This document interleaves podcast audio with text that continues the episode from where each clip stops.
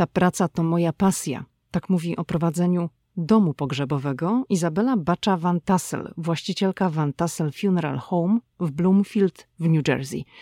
Pani Izabela działa w biznesie pogrzebowym od ponad 10 lat. Zna go od podszewki, dlatego sama dokładnie wie, czego chce kiedy umrze. Ja mam nawet wypisane, o której godzinie ma być moje wystawienie ciała, w którym kościele ma być serwis, który pastor ma prowadzić ten serwis, jakie kwiatki, jaka trumna, limuzyna ma być podstawiona, żeby moje dzieci nie prowadziły samochodu, a po cmentarzu, żeby była stypa i celebracja mojego życia. Taki plan, według mojej rozmówczyni, nie jest niczym dziwnym w Stanach Zjednoczonych. Dlaczego Izabela Van Tassel go przygotowała i dlaczego w Ameryce robi się coś takiego? O tym między innymi rozmawiamy w podcaście. Mówimy o specyfice amerykańskich pogrzebów, o balsamowaniu ciał, które jest tu popularne, o kosztach pogrzebów, o zbieraniu pieniędzy na własny pogrzeb, czyli o funduszach pogrzebowych. Jest też wątek o szkole, bo w Stanach Zjednoczonych, żeby zostać dyrektorem domu pogrzebowego, trzeba uzyskać licencję, a to wymaga nauki na uczelni. Zdaję sobie sprawę z tego, że dzisiejszy odcinek nie jest odcinkiem dla wszystkich. Ale śmierć jest elementem naszego życia i pomyślałam sobie, że przy okazji 1 listopada, czyli Wszystkich Świętych, bo premiera tego odcinka ma miejsce tuż przed Wszystkich Świętych, świętem, którego w USA, tak na marginesie wspominając się, nie obchodzi, pomyślałam, że nagram taki odcinek, w którym porozmawiamy na ten trudny, nie ukrywajmy, temat. Zapraszam zatem na rozmowę z Izabelą Baczą Van Tassel, właścicielką domu pogrzebowego w Bloomfield w New Jersey. Hej, tu Lidia Krawczuk, dziewczyna ze Szczecina, która wylądowała w Waszyngtonie. Ameryka mnie fascynuje, żyję w niej od ponad dekady i cały czas ją odkrywam. Podróż do Stanów Zjednoczonych była zawsze moim marzeniem. Nie sądziłam jednak, że w Ameryce kiedyś zamieszkam. Jeśli ciebie, tak jak mnie, ciekawią Stany i chcesz wiedzieć o nich więcej, to jesteś we właściwym miejscu. Opowiadam tu o Ameryce, o życiu w Stanach i o tym wszystkim, co odkrywam podczas mojej amerykańskiej przygody. Zapraszam na podcast Ameryka i ja. Zaczynamy.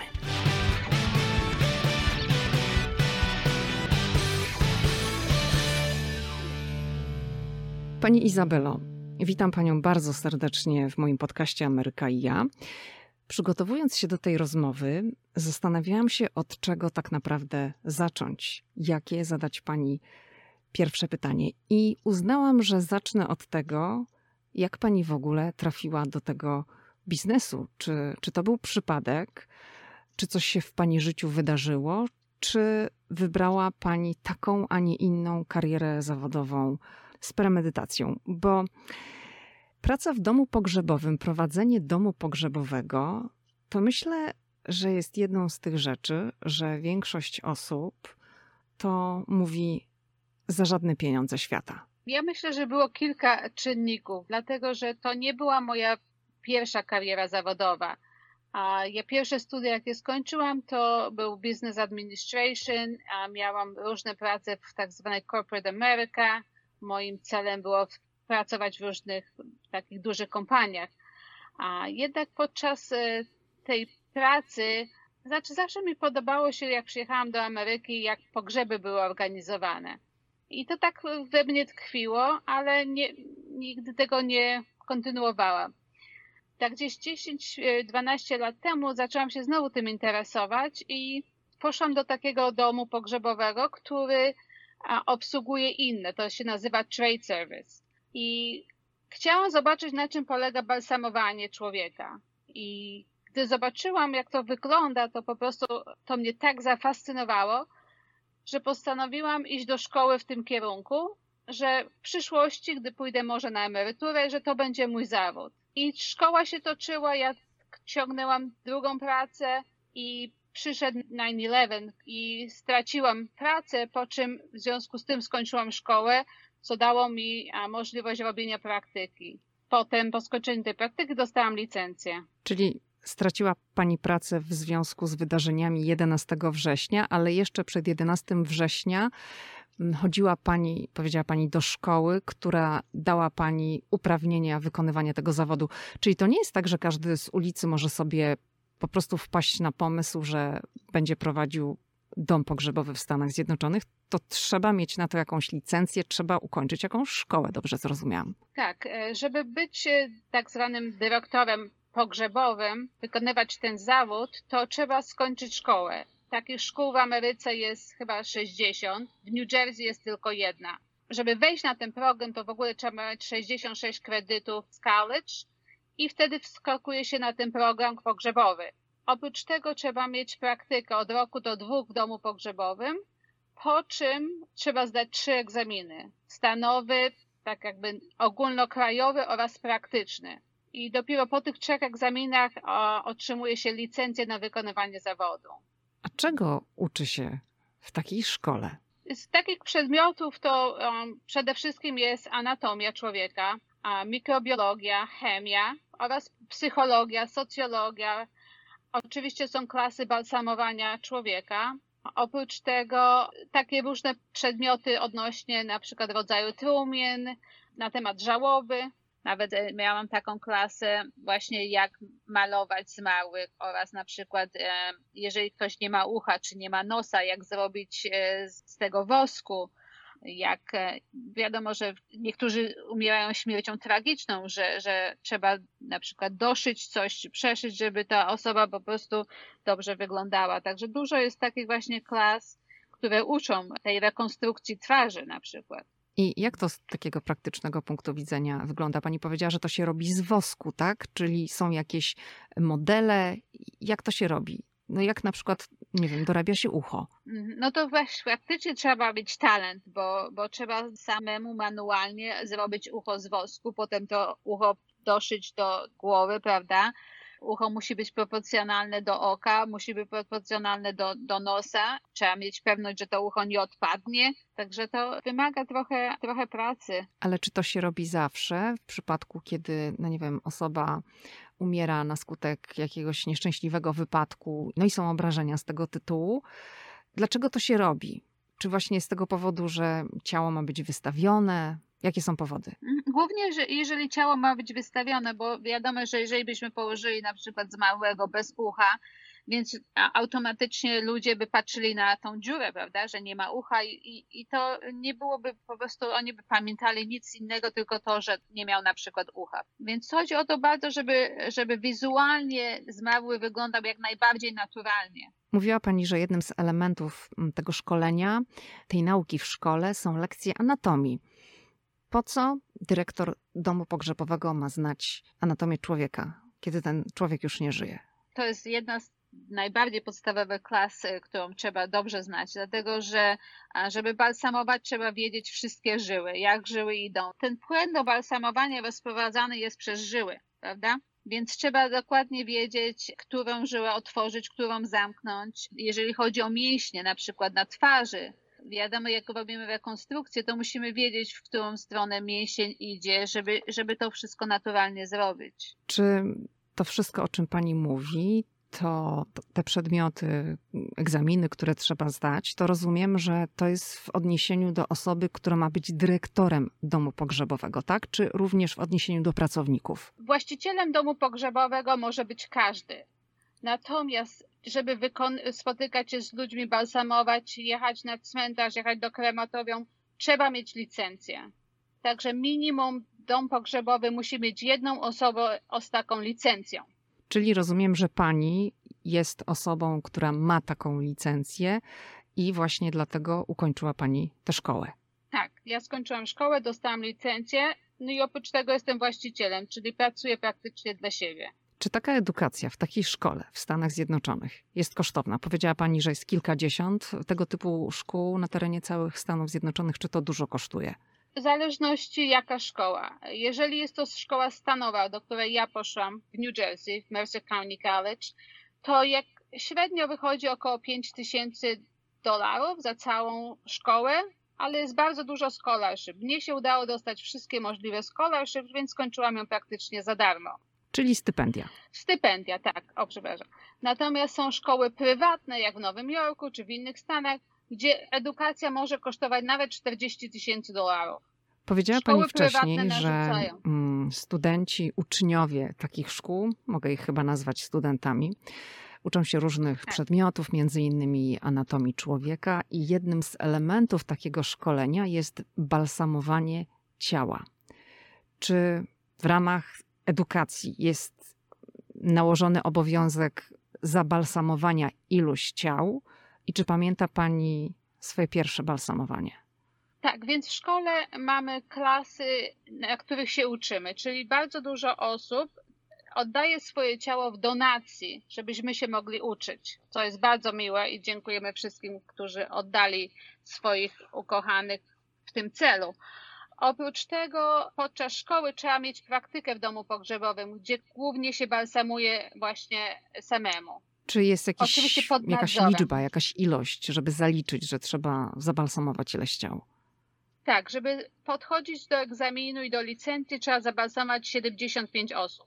I każda czy osoba musi być pani, opisana, musi być raport. No, swoje pierwsze balsamowanie. Czy w ogóle studenci są jakoś przygotowywani do tego? No bo to, to nie jest łatwy temat. Powiedziałabym, że to jest bardzo trudny temat.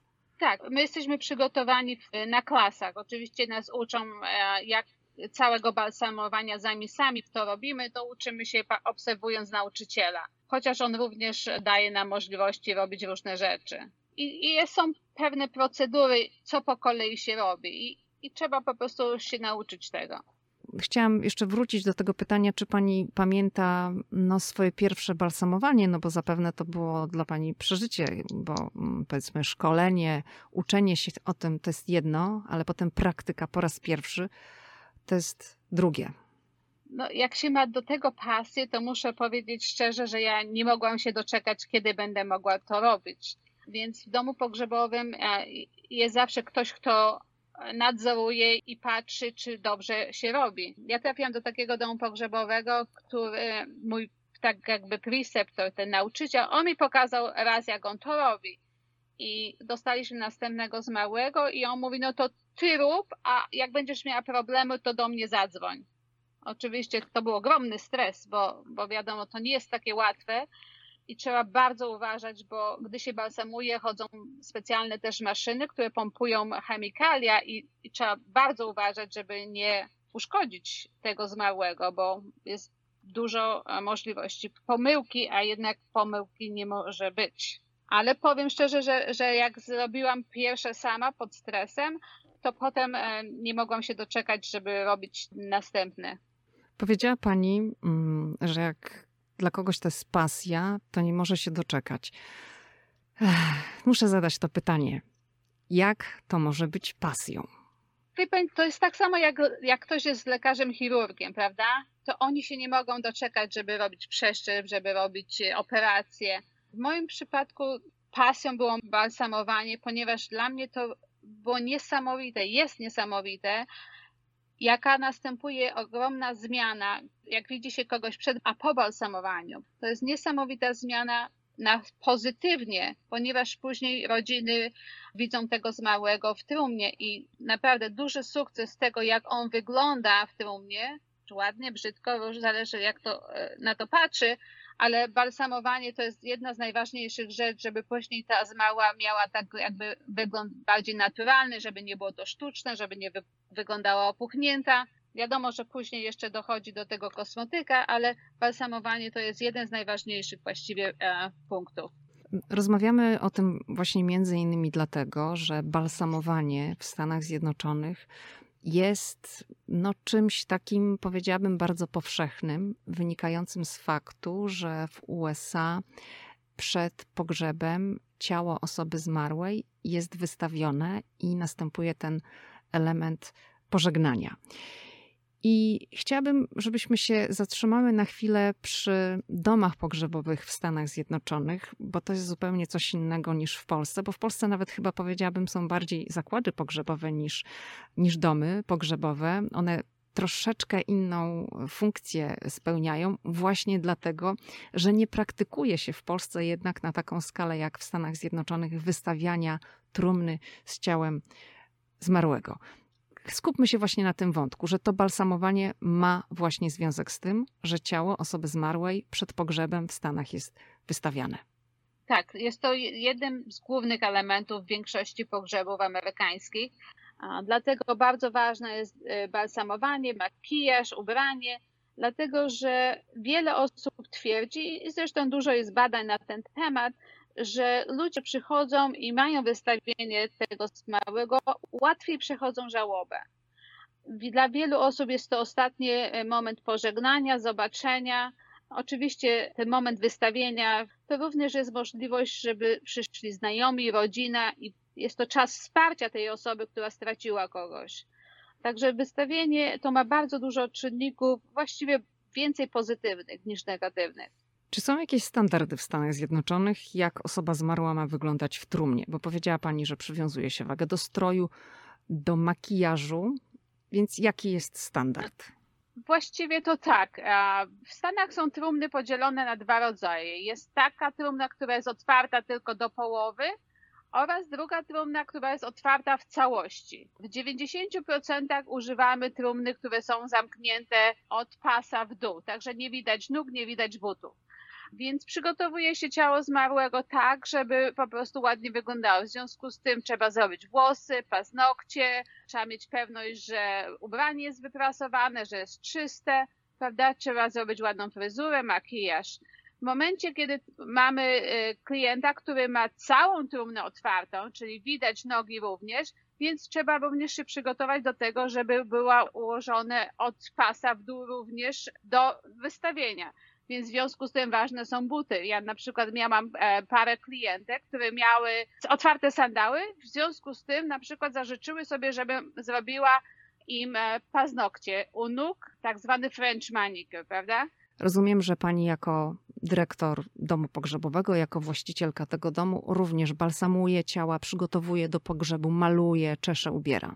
Moja rola jako dyrektor pogrzebowy, to często ja jadę z kierowcą po ciało zmarłego albo do domu, albo do szpitala. Często spotykam się wcześniej z rodziną, to więc już mam otwartą teczkę i wiem, co rodzina na przykład chce, więc albo balsamujemy ciało, albo przygotowujemy do kremacji. W momencie, gdy rodzina decyduje się na przykład na wystawienie ciała, wtedy y, robię balsamowanie, następnie ubieram i wkładam do trumny i kiedy ciało jest już ubrane i ułożone, wtedy ja zaczynam robić makijaż, czy włosy, paznokcie oraz dogrywać takie wszystkie małe szczegóły. Dla mnie na przykład te szczegóły to są bardzo ważne i muszę powiedzieć, że bardzo lubię tą część swojej pracy, kiedy właśnie przygotowuję na wystawienie. Czasem jest, że rodzina przynosi na przykład zmarłej jej kosmetyki, jej szminkę, jej lakier do paznokci, ona lubiła i to był jej styl ale w większości to jednak ja, ja mam bardzo dużo kosmetyków, także ja zawsze sobie dobieram e, w zależności do karnacji czy do ubrania.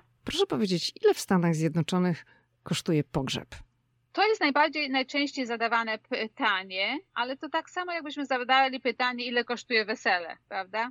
Pogrzeb jest to uroczystość i na nią składa się wiele czynników. Więc pogrzeb może kosztować 3000 i może kosztować 20 tysięcy. Wszystko zależy od preferencji, co ludzie sobie wybiorą, ile godzin, ile dni, jaka trumna, czy jedziemy do kościoła, czy będzie kremacja. Także bardzo czynników dużo na to się składa. Czy również fakt balsamowania ciała wpływa na cenę? Czy każde ciało jest w Stanach balsamowane? Nie, jeżeli nie ma wystawienia, jeżeli pochówek będzie w miarę szybko, czy jest kremacja, to nie ma takiej potrzeby. Balsamowanie jest rekomendowane do wystawienia do otwartej trumny, chyba że nie będzie pochówku w ciągu 48 godzin i nie będzie ciało w, e, w lodówce, wtedy trzeba zabalsamować. To jakbyśmy tak miały procentowo określić, to jaki procent ciał, no na podstawie Pani działalności mogłaby Pani określić, jaki procent ciał jest balsamowanych? Jeżeli jest to pogrzeb z trumną, to praktycznie 95% jest balsamowanych. Natomiast A jest więcej jeżeli jest... pogrzebów z trumną, czy więcej odbywa się kremacji? Mnie się wydaje, że to jest 50 na 50. Mimo wszystko, jeżeli dużo osób też ma wystawienie ciała i kremację dopiero po, więc e, to, to też wpływa na statystyki, bo tak samo mamy wystawienie w domu pogrzebowym, jedziemy do kościoła, a kremacja dopiero jest po wszystkich obrządkach. Czy w Stanach Zjednoczonych, bo w Polsce jest coś takiego jak zasiłek pogrzebowy. z ZUS-u. Czy w Stanach też coś takiego funkcjonuje? Powiedziała Pani o tych kosztach pogrzebu, że one mogą być tak jak wesele, tak? czyli na małą skalę i na większą skalę. Podała Pani przedział 3-20 tysięcy dolarów. Czy jest coś takiego jak zasiłek pogrzebowy w Stanach? Czy to wszystko jest w gestii rodziny, osoby zmarłej? Kto te wydatki ponosi? Bo czasem widzę, że w przypadku jakichś nagłych śmierci w internecie organizowane są zbiórki z myślą o pokryciu kosztów pogrzebu. A jedynym zasiłkiem, jaki teoretycznie państwo płaci, jest to 255 dolarów Social Security. Ale tylko wtedy, kiedy pracowali i odkładali, i to było odciągane z czeku. Natomiast jeżeli nigdy nie pracowali, no to tego zasiłku nie będzie. Ale gdy pracowali i było odciągane z jego czeku, wtedy te 255 dolarów jest to jedyna tak jakby zapomoga na pogrzeb. Dlatego widać e, te zbiórki, że ludzie zbierają, organizują się. To chciałabym, żebyśmy przy okazji porozmawiały, jeżeli mówimy o pieniądzach, o czymś takim jak fundusz pogrzebowy. Wydaje mi się, że to pojęcie jest raczej obce polskim słuchaczom. Nawet nie wiem, czy taki fundusz pogrzebowy w Polsce istnieje. W USA można sobie taki fundusz założyć i zacząć oszczędzać na swój własny pogrzeb i go zaplanować. Czy Amerykanie to robią? I dlaczego to robią? Tak, to jest bardzo popularne w środowisku amerykańskim z wielu powodów. Pierwszy, żeby nie, po śmierci nie obciążać swoich dzieci kosztami, a żeby mieć ten pogrzeb taki, jaki się chce i żeby na to były pieniądze. Innym powodem jest to, że tutaj w Ameryce jest bardzo dużo świadczeń dla biednych ludzi ale nie można mieć więcej niż 2000 dolarów. Nie można posiadać nic więcej niż 2000 dolarów. Więc wiele osób, żeby ucieknąć z pieniędzmi ze swoich kont, mogą legalnie zainwestować pieniądze właśnie w fundusz pogrzebowy, który potem nie będzie, te pieniądze nie będą brane jako, że oni mają te pieniądze. Więc dużo osób, jeżeli ma rodziców starszych i są chorzy, to właśnie przygotowują się odkładając te pieniądze właśnie na taki fundusz. Ale na jakiej zasadzie to działa? To jest jakaś składka miesięczna? Trzeba na przykład przez jakiś czas odkładać pieniądze, żeby móc potem z tego funduszu skorzystać? Jak to działa? To działa w ten sposób, że dajmy na to, przychodzi pani do domu pogrzebowego i ustala sobie pogrzeb. Chce być pochowana, chce mieć taką trumnę, chce mieć e, w tym kościele i pogrzeb wychodzi na przykład 10 tysięcy dolarów. I wtedy, jeżeli pa, pani chce otworzyć sobie taki fundusz, to można zacząć od 500 dolarów i potem się rozkłada to miesięcznie. Natomiast można sobie wpłacać ile się chce. Jeżeli jeden miesiąc ktoś ma 50 dolarów, następny 100 dolarów, wpłaca tyle czasu, ile mu to zajmie, żeby spłacić to 10 tysięcy dolarów. W momencie, gdy ta cała suma jest uzbierana, wtedy już nie dopłaca. Te pieniądze, one są ubezpieczone, że tak pieniędzy się nie straci. Natomiast te pieniądze są inwestowane przez fundusz i one są oprocentowane. Więc jeżeli ja miałam taką klientkę, która opłaciła swój pogrzeb 25 lat temu, 25 lat zanim zmarła, więc kiedy ona zmarła, to nie dość, że było, nawet było więcej pieniędzy niż, niż ten pogrzeb kosztował. A co w przypadku, jeżeli ktoś zacznie odkładać i założył sobie, no zostańmy przy tej sumie, którą pani podała, 10 tysięcy dolarów i umrze, zanim uzbiera, to co? No to wtedy tą różnicę dopłaca rodzina, chyba że zmieni jego życzenie i zmieni pogrzeb na tańszy. Ale te pieniądze nigdy nie Ile przepadają. pani osób zatrudnia w swojej firmie? Ja mam e, dużo osób tak zwane na pół etatu. Jak potrzebuję, wtedy ja do nich dzwonię i wtedy pracują. Jeżeli chodzi o osoby na pełny etat, to ja nie mam nikogo. Czy w takiej firmie jak w pani firmie, nawet jeżeli to są, nazwijmy, współpracownicy, czy jest duża rotacja. Czy łatwo jest o takich stałych pracowników w tego typu branży? Czy ludzie po prostu po jakimś czasie się zniechęcają i no, chcą wykonywać inne zawody? W tej branży bardzo dużo pracuje osób, które przeszły już właściwie na emeryturę. I jest to ich taka praca jakby dodatkowa, bo oni są już na emeryturze i, i to bardziej traktują jako pracę, jako hobby, żeby nie siedzieć w domu. Czyli sobie dorabiają, tak? Sobie dorabiam. Przeważnie, co jest bardzo śmieszne w sumie, jest to bardzo dużo policjantów. No ale z drugiej strony to też takie osoby, to muszą być silne osoby, tak? No bo tą trumnę trzeba nosić, tam kilka osób musi być w to zaangażowanych i raczej... No to prze... Mm, No chyba nie widuje się takich starszych osób, które się tym zajmują, tylko chyba młodsze, prawda? Pojęcie starsze, bo w Ameryce na przykład osoba na emeryturze to już jest od 55 może być, od 60 i to są w sumie młodzi ludzie dla mnie jeszcze. Ja raczej miałam na myśli takie osoby gdzieś tam 30, między 30 a 40 rokiem życia, że tak mi się wydawało, że to właśnie w takim przedziale. Ale to może mam takie z Polski skojarzenia, że takie osoby no, w takim wieku się tym zajmują. Tutaj raczej nie. To je, je, jeżeli się zajmują w takim wieku, to mają licencję albo są na, na praktykach, ale tak jako, żeby wykonywać zawód, taki młodzi ludzie to raczej nie podejmują i po, nie ma dla nich właściwie pozycji. Ja pamiętam, jak kiedyś odwiedziłam polski cmentarz w tak zwanej amerykańskiej Częstochowie w Doylestown w Pensylwanii i tam było wiele nagrobków z imieniem, nazwiskiem, z datą urodzenia, ale bez daty śmierci, bo ta osoba jeszcze żyła. To było no już ładnych parę lat temu i muszę przyznać, że byłam wtedy bardzo zaskoczona, że widziałam tego typu nagrobki gotowe, że ludzie już sobie za życia kupowali miejsce na cmentarzu i stawiali sobie swój własny pomnik ze swoim imieniem i nazwiskiem, z datą urodzenia, tylko tam potem trzeba było dopisać datę śmierci. Czy to jest w Stanach Zjednoczonych często praktykowane? Czy to była taka domena, powiedziałabym, polskiego cmentarza, bo to, to był głównie polski cmentarz, tak? Tam byli pochowani przede wszystkim Polacy. Dlaczego ludzie to robią i czy Amerykanie też to robią? Tak, Amerykanie też to robią. Ja muszę powiedzieć, że ja sama kupiłam sobie dwa groby o 7 lat temu. Także ja już mam swój grób i muszę powiedzieć, że też już myślałam o tym, żeby postawić sobie pomnik, bo jak wiem, co chcę i co bym chciała wygrawerować, więc myślę, że wiele osób podchodzi do tego samego, że wcześniej czy później to będzie ich czy moje miejsce i koszt pomnika też jest bardzo drogi. Miejsce na cmentarzu jest bardzo drogie, więc kierują się tym, żeby nie zostawiać nic dzieciom. Dobrze, to pierwsza no, rzecz, ja dlaczego mhm. pani kupiła sobie dwa groby, powiedziała pani to po co pani dwa groby?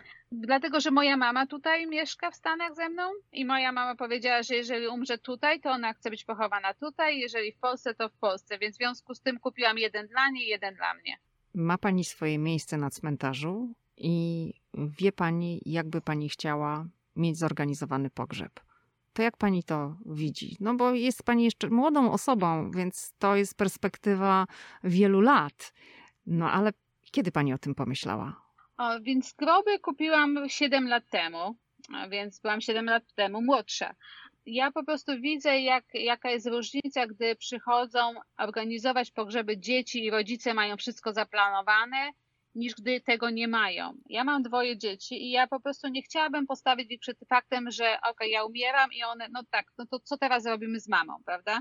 A więc ja po prostu chcę uniknąć dla nich tego kłopotu. Również oprócz miejsca ja mam, e, zrobiłam testament oraz, tak jak mówię, mam spisane, oprócz testamentu mam spisane również, jak ma mój pogrzeb wyglądać. Ponieważ, tak jak mówię, ja jestem taka perfekcjonistka, więc ja mam nawet wypisane, o której godzinie ma być moje wystawienie ciała, w którym kościele ma być serwis, który pastor ma prowadzić ten serwis, jakie kwiatki, jaka trumna. Ja już mam praktycznie całe wszystko zaplanowane. Łącznie z tym, że jak umrę, to limuzyna ma być podstawiona, żeby moje dzieci nie prowadziły samochodu, a po cmentarzu, żeby była stypa i celebracja mojego życia.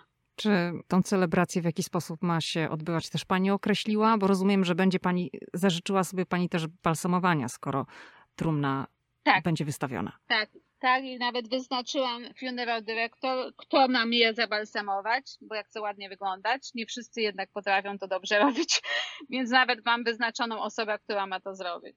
A określiła Pani dokładnie, jak Pani ma wyglądać? Nie wiem, jakiś kolor paznokci, jaki ma być makijaż, jakie ma być ubranie? No bo rozumiem, że takie rzeczy też można sobie zażyczyć i to się ustala. To jest forma pisemna, jak to się robi? To znaczy ja mam spisane to wszystko w formie pisemnej jako kartka dodatkowa przy testamencie. Ja mam testament oraz całe dyspozycje pogrzebu. I rozumiem, że te kwestie dotyczące wyglądu też pani tam zapisała. Tak, tak. Mhm. Jak pani dzieci przyjęły mm, do wiadomości tą informację? Czy dla nich to jest normalne w związku z tym, że mama działa w takiej branży, w takim biznesie i zapewne w domu się na temat tego biznesu też rozmawia? Czy one mm, były zdziwione, czy dla nich to nie było w ogóle e, nic nadzwyczajnego. Ja myślę, że dla moich dzieci to jest e, normalne, ponieważ my zawsze byliśmy rodziną, że planowaliśmy. Jeżeli planowaliśmy wakacje, zawsze mieliśmy rozpisane, gdzie jedziemy, co zwiedzamy. Więc nawet teraz, jeżeli e, moje dzieci dowiedziały się, że ja mam grób i że mam rozplanowany pogrzeb, dla nich to było jak najbardziej normalne, bo one wiedzą, że mama jest zorganizowana, że mama musi mieć wszystko tak, jak mama chce. A czy pani dzieci też już mają mm, tego typu postanowienia zrobione, czy to jeszcze nie jest ten etap życia? Jeszcze nie, nie ten etap. Córka ma 29 lat, a mój syn ma 25, będzie miał w grudniu. To jeszcze druga kwestia. Powiedziała Pani, że nagrobki są w Stanach bardzo drogie i same miejsca na cmentarzu są również drogie. Co to znaczy? Jakie to są stawki? Za jeden grób średnio trzeba liczyć około 3000 za wykupienie miejsca. Nagrobek też średnio trzeba liczyć około 3 do 4 tysięcy, bo to są przeważnie granitowe, marmurowe. Więc już na sam start same te dwie sumy to są około 7 tysięcy dolarów. I, ceny na cmentarzach rosną co roku praktycznie, więc jeżeli ktoś zainwestuje w ten e, grób teraz i kupi pomnik teraz, to wiadomo, że jeżeli nawet nie umrze za 10 czy 20, 30 lat, to, to już praktycznie ma wykupione, nie musi martwić się, ile to będzie kosztowało za ileś tam lat. Czyli te stawki, o których pani powiedziała, 3000 dolarów za miejsce na cmentarzu, kolejne 3 za nagrobek, plus cena pogrzebu. To jest jakby zupełnie osobna kategoria. Tak, no jeszcze jeżeli chodzi o cmentarz w późniejszym czasie, więc dochodzą następne opłaty, bo trzeba wykopać grób, prawda, jeżeli przyjdzie ten moment. I to kosztuje około 2000 dolarów.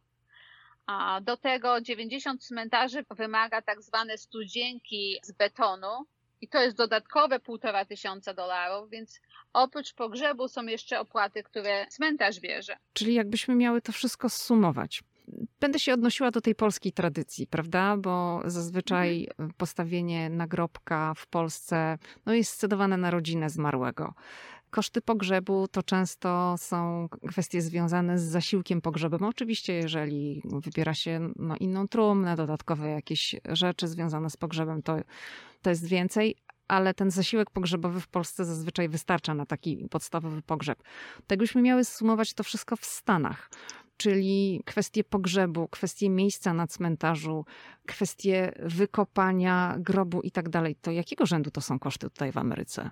To średnio 15 tysięcy. 15 tysięcy dolarów. Trzeba liczyć tak, tak, tak, żeby to trzeba przygotować sobie około 15 tysięcy. Jeżeli się naprawdę chce mieć tak, tak jak w Polsce, że, że ten nagrobek jest i, i ładna trumna, oczywiście i kościół, to trzeba liczyć się z 15 tysiącami. Jeżeli ktoś nie ma miejsca na cmentarzu. Czy przeciętnego Amerykanina na to stać?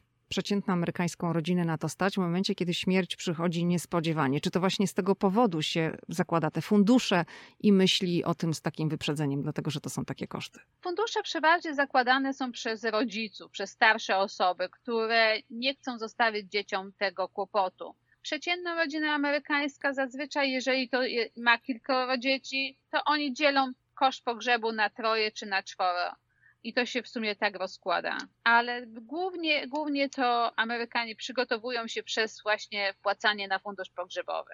Dużo, dużo, bardzo dużo Amerykanów ma również polisy na życie. I to nie są polisy po milion dolarów, tylko po 20 tysięcy, po 40 tysięcy. Także tyle, żeby zapłacić na koszt pogrzebu, cmentarza, żeby zostało jeszcze na tak zwaną stypę, bo Amerykanie bardzo lubią robić stypy Także między funduszem i life insurance Amerykanie raczej są przygotowani. Oni sobie Na zdają czym polega sprawę, że to ich stypa? Czy to jest po prostu takie spotkanie, posiłek po, po pogrzebie? To jest coś podobnego jak w Polsce, czy to są inne zwyczaje, inna kultura? Praktycznie podobne, tak samo jak w Polsce.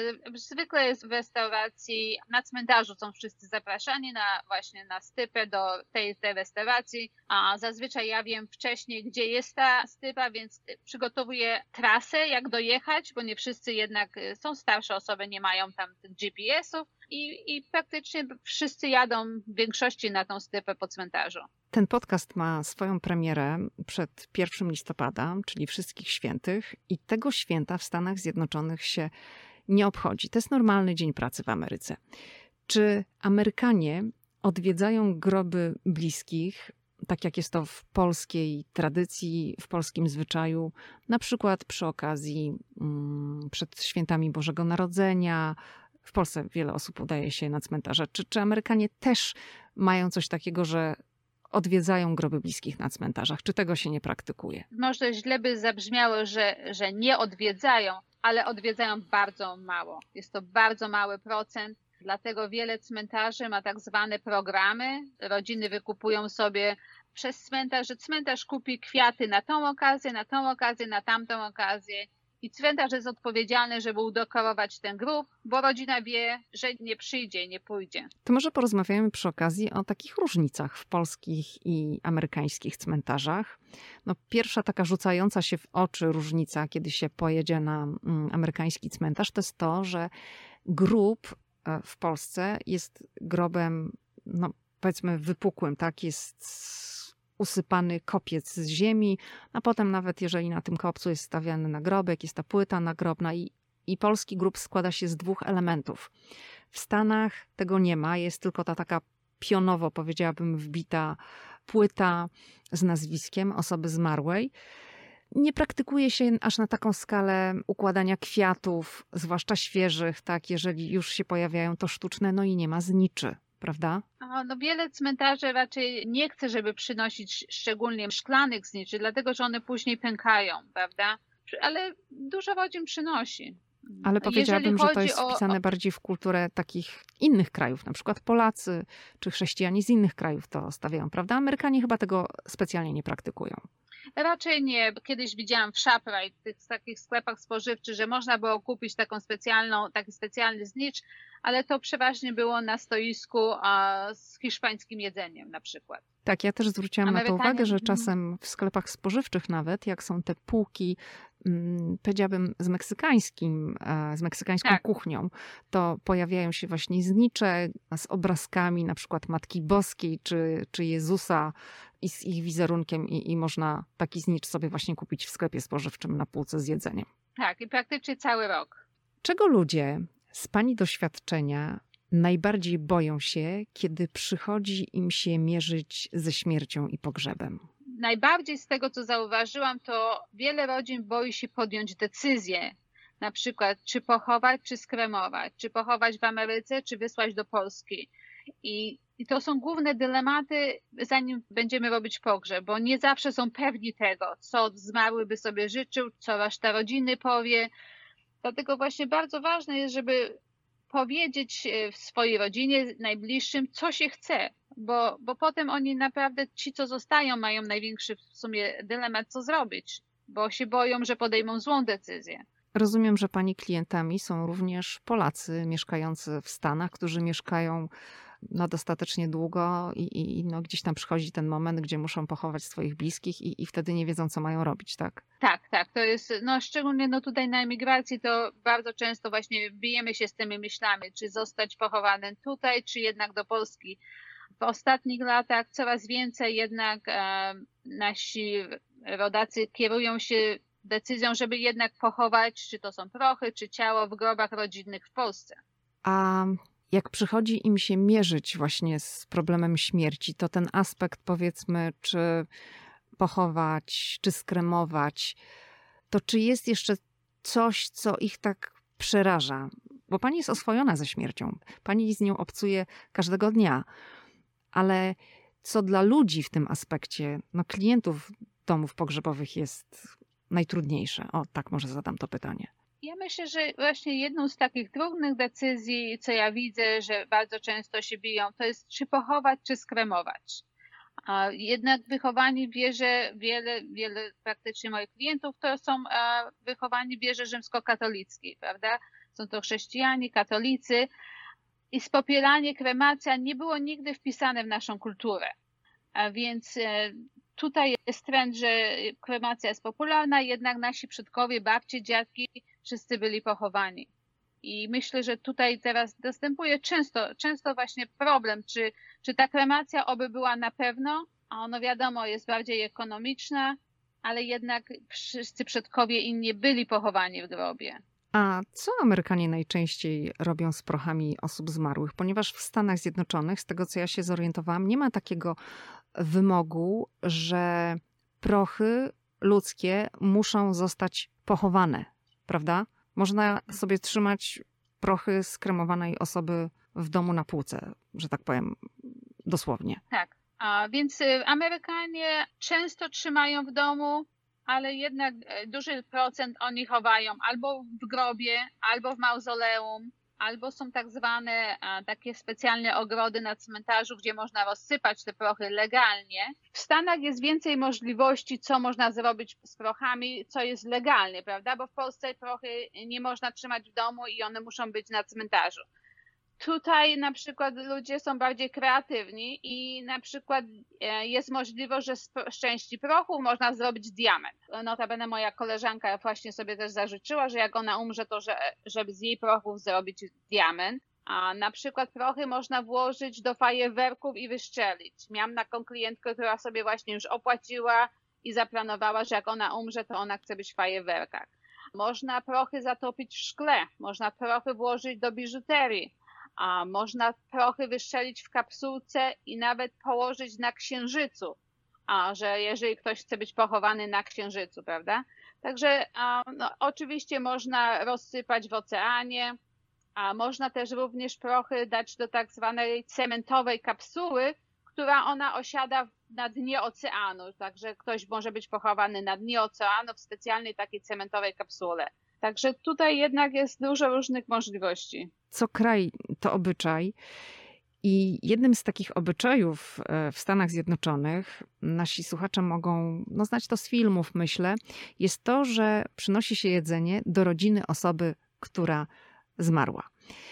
I no, chciałabym, żeby pani właśnie powiedziała coś więcej na ten temat. Z czego to się bierze, że nagle ktoś umiera i ludzie zjawiają się, jacyś bliscy sąsiedzi z jedzeniem urodziny takiej osoby? No to jest, ja y, uważam, że to jest coś pięknego. Jest to naprawdę bardzo ładna tradycja, bardzo ładny zwyczaj tu w Ameryce, bo jeżeli osoba traci męża czy dziecko, oni są w żałobie, oni są w stresie, oni zapominają nawet jeść, zapominają pić, a nikt wtedy nie ma czasu, żeby gotować, czy tym bardziej robić zakupy, więc jeżeli sąsiedzi czy znajomi przyniosą jedzenie, to ta osoba tylko może sobie nałożyć na talerz i odgrzać i wiadomo, że coś zje, ale na pewno nie będzie stała przy kuchni i coś gotowała, więc to jest tak jakby dbanie o tą osobę w żałobie. Także ja, jeżeli mogę e, coś e, poradzić, jeżeli mamy taką sytuację, że znamy kogoś, że ktoś stracił, to mówię nawet zrobić rosół, czy, czy kupić pizzę i po prostu zanieść do tej osoby, bo, bo oni naprawdę wtedy potrzebują tego. A funeral cake, chciałabym się przy tym na chwilę zatrzymać, czyli to jest no, taki tort pogrzebowy, tak bym to przetłumaczyła, bo w USA są też takie torty. One wyglądają w sumie no jak takie torty urodzinowe, można nawet powiedzieć weselne. Niektóre są właśnie takie białe, tylko powiedzmy e, napis jest inny i, i ozdoby są inne na tego typu ciastach. I to są ciasta stricte przygotowane no, na stypę po pogrzebie. Czy takie torty, takie funeral cakes to jest popularna rzecz w Stanach. Ja nie ukrywam, że nawet sobie wygooglam to hasło i wyświetla się bardzo dużo zdjęć tego typu, ale czy to jest, czy to jest popularne, czy, czy to się praktykuje? To jest bardzo popularne w południowych Stanach. Tu w naszej okolicy New Jersey, New York to nie jest aż tak popularne, ale byłam na wielu typach, gdzie ciasto pogrzebowe było i był to normalny tor, na którym był narysowany krzyż i pisało na przykład spoczywaj w pokoju albo rest in peace. Wiadomo, że na takiej stypie jest obiad plus jest e, deser i to potem ten tor był krojony jako deser.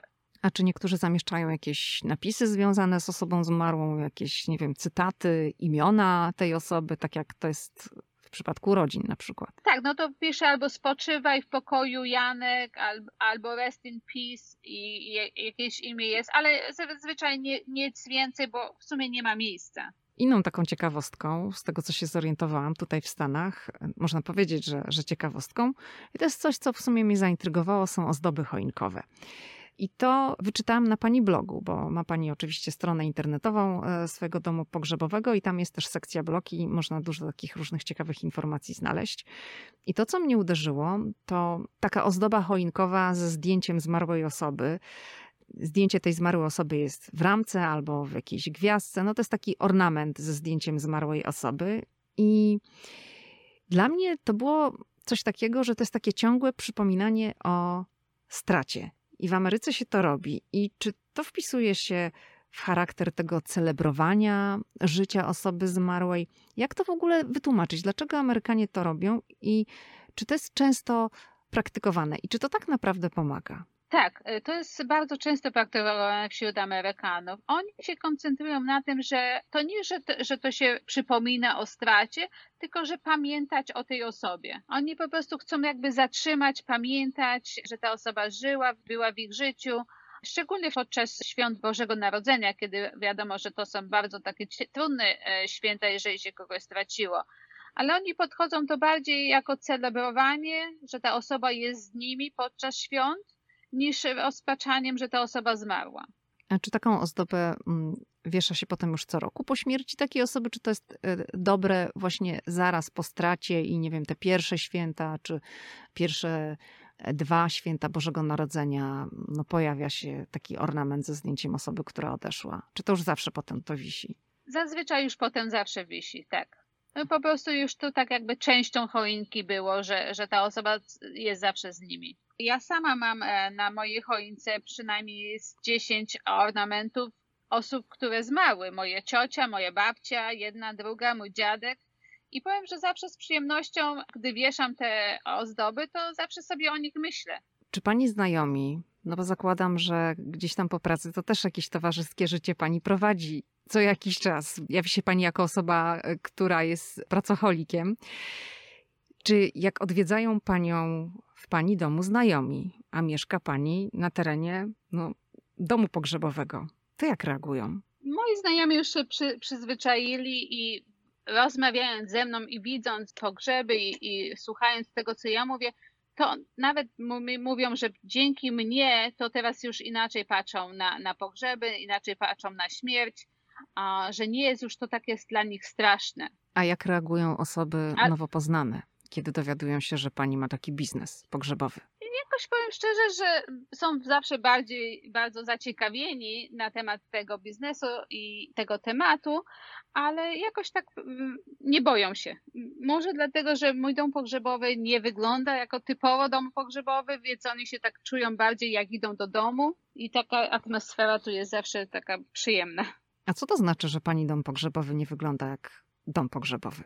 Standardowo wiele domów pogrzebowych, no to on to jak się wchodzi, to jest tak zimno, pusto, na ścianach nic nie ma, zawsze takie światło przyciemnione. Raczej taki nastrój depresyjny.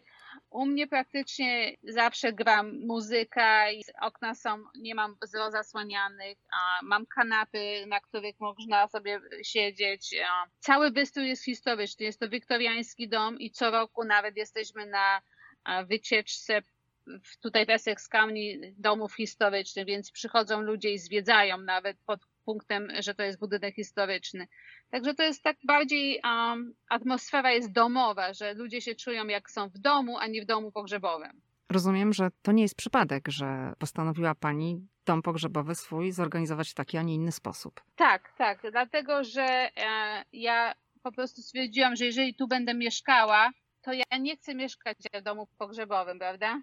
I to, to był mój pomysł tego wystroju. W jednym z odcinków mojego podcastu Ameryka i ja, dokładnie w odcinku 53, przytoczyłam 14 przykładów takich super rzeczy w Stanach. I jedną z takich rzeczy było drive-thru. Zaznaczyłam przy tym, że podchodzę bez entuzjazmu do drive-thru w biznesie pogrzebowym. No tutaj wyjaśnię dla niezorientowanych, iż polega to na tym, że podjeżdża się samochodem do okna, za szybą jest otwarta trumna z ciałem zmarłej osoby. Czy pani oferuje taką usługę i jaki pani ma stosunek do takiego drive-thru w domach pogrzebowych? Nie, nie oferuję takiej usługi. Mam możliwość, mogłabym wystawić oczywiście nie do okna, ale mogłabym postawić trumnę przy drzwiach ale uważam, że to jest absolutny brak respektu dla zmarłego i dla rodziny, bo możemy mieć maski, możemy trzymać dystans, zawsze jest możliwość wejść, oddać oczywiście to ostatnie pożegnanie i wyjść. Także uważam nawet, że przy COVID-zie ta usługa to jest zbędna dla mnie i, i powiem wręcz niesmaczna. Mm, człowiek, żeby nie zwariował, to musi mieć do tego wszystkiego też taki, powiedziałabym, profesjonalny stosunek. Bo gdyby nie miał profesjonalnego stosunku, no to by, zakładam, wiecznie płakał i był w depresji, i udzielałyby mu się też emocje tych osób, które są klientami domów pogrzebowych, bo to są osoby w rozpaczy zazwyczaj, tak? No nie ukrywajmy tego. Tak. Czy w tej szkole uczono was również panowania nad emocjami, jak sobie z tym wszystkim radzić? No bo to jest bardzo trudny temat. To znaczy mieliśmy y, klasę z psychologii czy socjologii, prawda? Więc y, tak, to, to przede wszystkim uczą, jak się ludzie mogą zachowywać i jak my powinniśmy się zachowywać. Ale tak naprawdę to mi się wydaje, że to każdy indywidualnie potem w trakcie, jeżeli robi pogrzeby, to, to ustosunkowuje się, bo każdy, każda osoba jest inna i każda co innego potrzebuje. Jedni chcą być, przy, żeby ich przytulić, inni chcą trzymać na dystans, jedni żartują, bo przez żart, przez śmiech rozładowują swoje emocje, inni muszą się wypłakać i trzeba im dać ten moment, żeby się wypłakali. Także każda osoba, każda rodzina jest inna i jako dyrektor pogrzebowy to trzeba wyczuć, co jest dobre dla tej osoby. A czy pani po takim dniu kiedy pracuje Pani w tej branży, kiedy obcuje Pani z ludźmi w rozpaczy, w żałobie, z pogrzebami, tak jak Pani zamyka zakład pogrzebowy, to po prostu Pani go zamyka i nie myśli Pani o tym, czy Pani się pogrzeby śnią po nocach? Mnie ciężko jest zamknąć, ponieważ ja mieszkam w domu pogrzebowym, więc ja praktycznie mieszkam i pracuję w jednym budynku muszę szczerze powiedzieć, że nigdy mi się nie śniły e, pogrzeby jakoś, ale tak jakby ja cały czas żyję tą pracą. Ja muszę powiedzieć szczerze, że ja chyba praktycznie nigdy nie odpoczywam i jakby nigdy nie wyłączam się. Praca praktycznie to jest całe moje życie. Ja zawsze myślę, nawet jak już zamknę te drzwi, bo już jest e, późno, to ja zawsze myślę, co jeszcze mogłabym zrobić lepiej, albo co zrobię jutro, albo jak mogę tej rodzinie pomóc. Także ja praktycznie muszę powiedzieć, że, że pracuję non-stop. Pani Izabelo, bardzo Pani dziękuję za rozmowę, za podzielenie się z nami informacjami dotyczącymi tego, no powiedzmy, trudnego i no nietypowego, powiedziałabym, tematu. Dziękuję bardzo. Dziękuję. Tak na koniec chciałabym dodać, że mam świadomość, iż wybrałam sobie temat, który jest tematem z kategorii tych, o których przynajmniej część osób, część słuchaczy nie chce słuchać, nie chce rozmawiać. Lecz no ja muszę przyznać, że dla mnie ta rozmowa była bardzo ciekawa. Dowiedziałam się wielu nowych rzeczy na temat kolejnego wycinka amerykańskiego krajobrazu, amerykańskiej rzeczywistości. A, a pani Izabela ma ogromną wiedzę dotyczącą tego tematu i, i jestem jej wdzięczna, że, że zgodziła się o tym wszystkim opowiedzieć. Jeżeli chcecie jeszcze więcej, to możecie zajrzeć również na stronę Izabeli Baczy Van Tassel www.izabela.us. Są dwie wersje językowe, angielska i polska.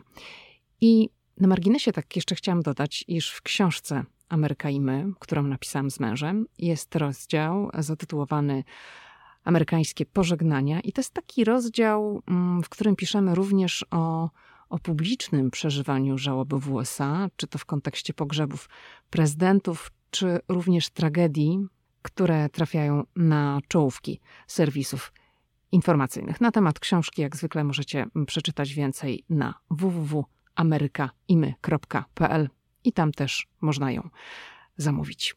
To wszystko na dziś. Do usłyszenia, jak zwykle, w kolejny wtorek.